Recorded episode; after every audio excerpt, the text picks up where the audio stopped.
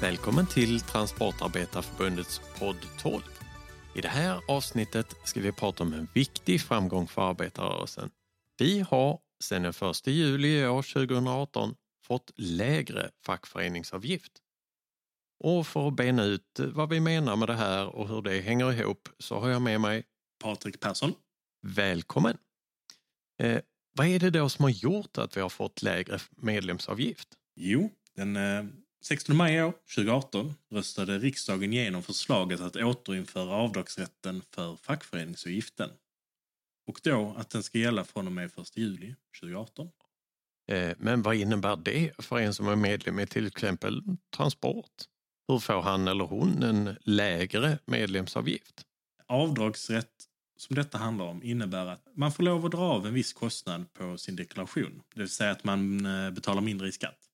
Som avdragsrätt för själva fackavgiften innebär det att varje enskild person som är medlem i ett fackförbund får tillbaka 25 procent av vad hon eller han har betalat in under året. Så för deklaration 2019 så får du tillbaka 25 procent av vad du har betalat in sedan den 1 juli 2018 när denna avdragsrätt återinfördes. För kommande år så gäller det för hela året. Men för mig som medlem då, hur är det krångligt? Måste jag skriva in till Skatteverket eller ändra något i min deklaration? Nej, inte för att ta del av själva avdragsrätten för fackavgiften.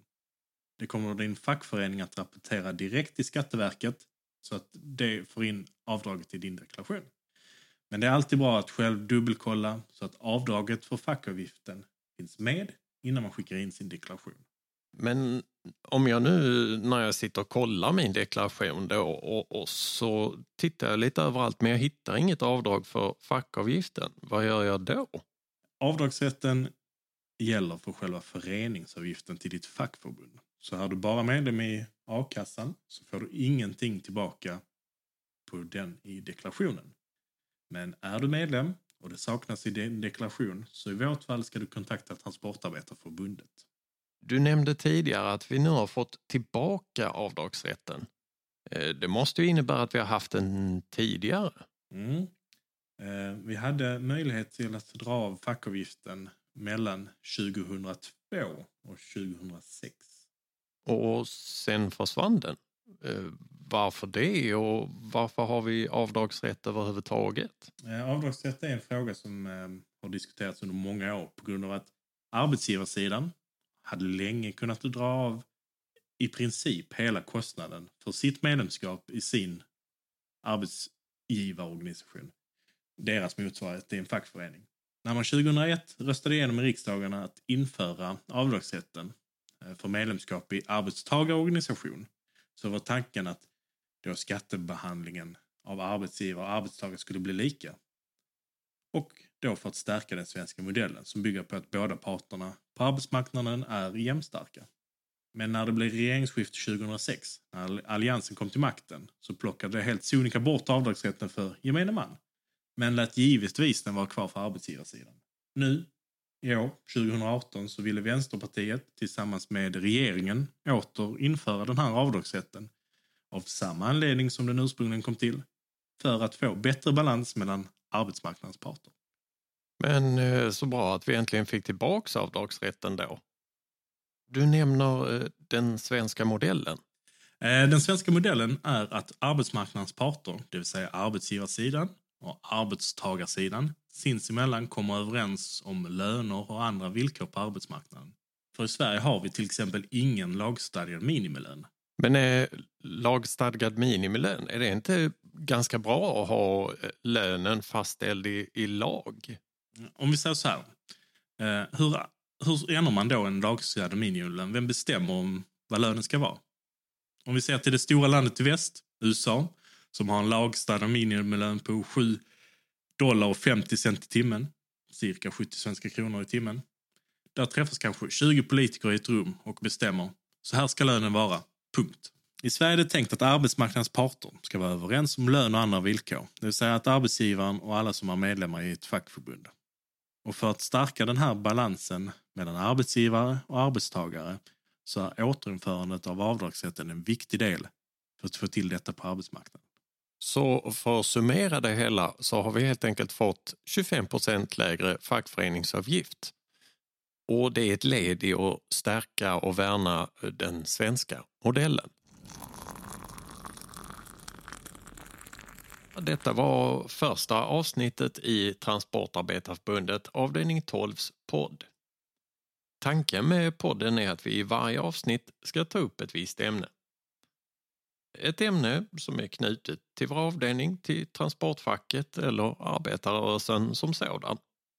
Det kommer att vara jag eh, som oftast leder er genom ämnena och Patrik kommer oftast att, att vara med i studion. Men vi kommer även att ha gäster när det blir aktuellt. Har du något ämne eh, du funderar över och vill att vi ska ta upp i podden så går det bra att mejla eh, till Transportarbetarförbundet.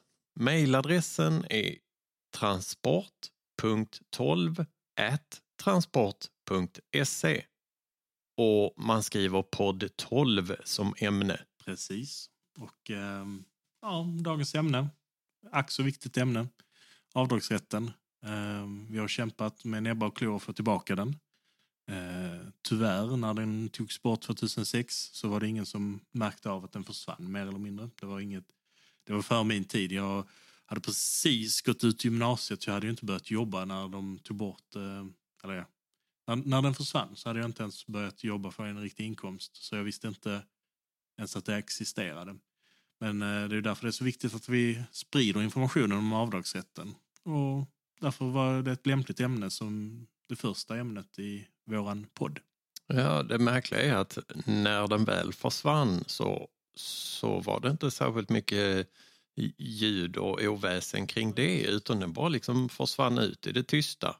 Och nu har då bland annat Vänsterpartiet jobbat jättehårt för att vi ska få tillbaks den här avdragsrätten.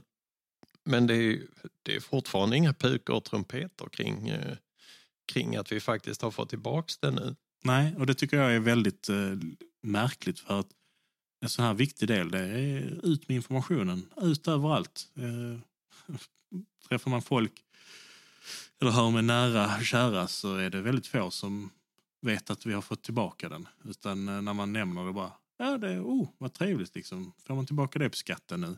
Men eh, det är därför vi, vi från avdelning 12 känner att det är så väsentligt att få ut den här informationen.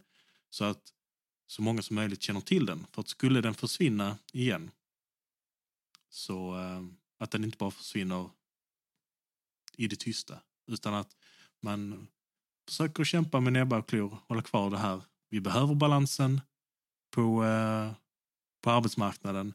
För att under den här tiden har de kunnat dra bort 100% av sin eh, medlemsavgift, eh, arbetsgivarsidan, det vill säga varför ska vi inte kunna få dra bort ynka 25 procent?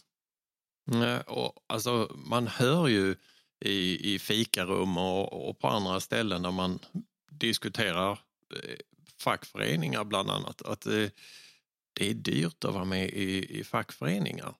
Eh, åtminstone är det man hör. Eh, och sen nu så är det krafter som har kämpat för att det ska bli lägre avgifter och det sprids väldigt dåligt, tycker jag. Mm. Och um, det, är, det är sorgligt. Vi, information måste ut. Eh, för att, som du säger, vissa går inte med i facken för att de tycker att det är för dyrt. Och framförallt vi som är inom LO-kollektivet, vi som är knegarfack, eh, vi ehm, har en högre fackavgift än till exempel akademikerförbunden. Och det är ju för att vi har mycket mer verksamhet. Vi har eh, studier, studieverksamhet som vi kommer till att prata i en annan podd. Vi eh, håller på med eh, förhandlingar eh, med ombudsmän på ett helt annat sätt. Unionen som är det, ett av de största förbunden. I hela Skåne har de vad är det, två ombudsmän. Vi har och till så många, många fler medlemmar. Eh, och det de satsar på är att coacha medlemmarna i hur de tar lönesamtal medan i transportfacket så eh, ser vi till så att vi hjälper till att löne, alltså det är det som vi förhandlar fram. Vi förhandlar fram en löneökning varje år eh, så att man själv slipper ta det. Så att alla får lika mycket i löneökning. Och en, en löneökning, ja då har du täckt hela medlemsavgiften för all framtid. Mm. Ja, det, för det, det fungerar ju som så, alltså för det stora flertalet så eh, har man ju inte personlig lön som man personligen sitter och förhandlar fram med, med chefen utan det är kollektivavtalet som bestämmer eh, eller pekar i vilken lönriktning man ska gå. Mm. Kollektivavtalet har liksom lägsta, lä, lägsta nivåerna. Och I transport har vi ju tarifflöner, det vill säga att oavsett om du är man, kvinna, om du är gammal eller ung så tjänar du lika mycket om du har jobbat lika många år i branschen. Och, och det tycker mer jämställt än så blir det ju inte. Nej, samma lön för samma arbete. Ja. Alltså det, det genomsyrar hela Transports eh, policy. Mm. Precis. Eh, då tackar vi för den här podden. Ses vi i nästa avsnitt. Vi ses i nästa avsnitt som skulle handla om Studier. Studier var tänkt. Just det. Mm. Vi tackar för oss. Hörs.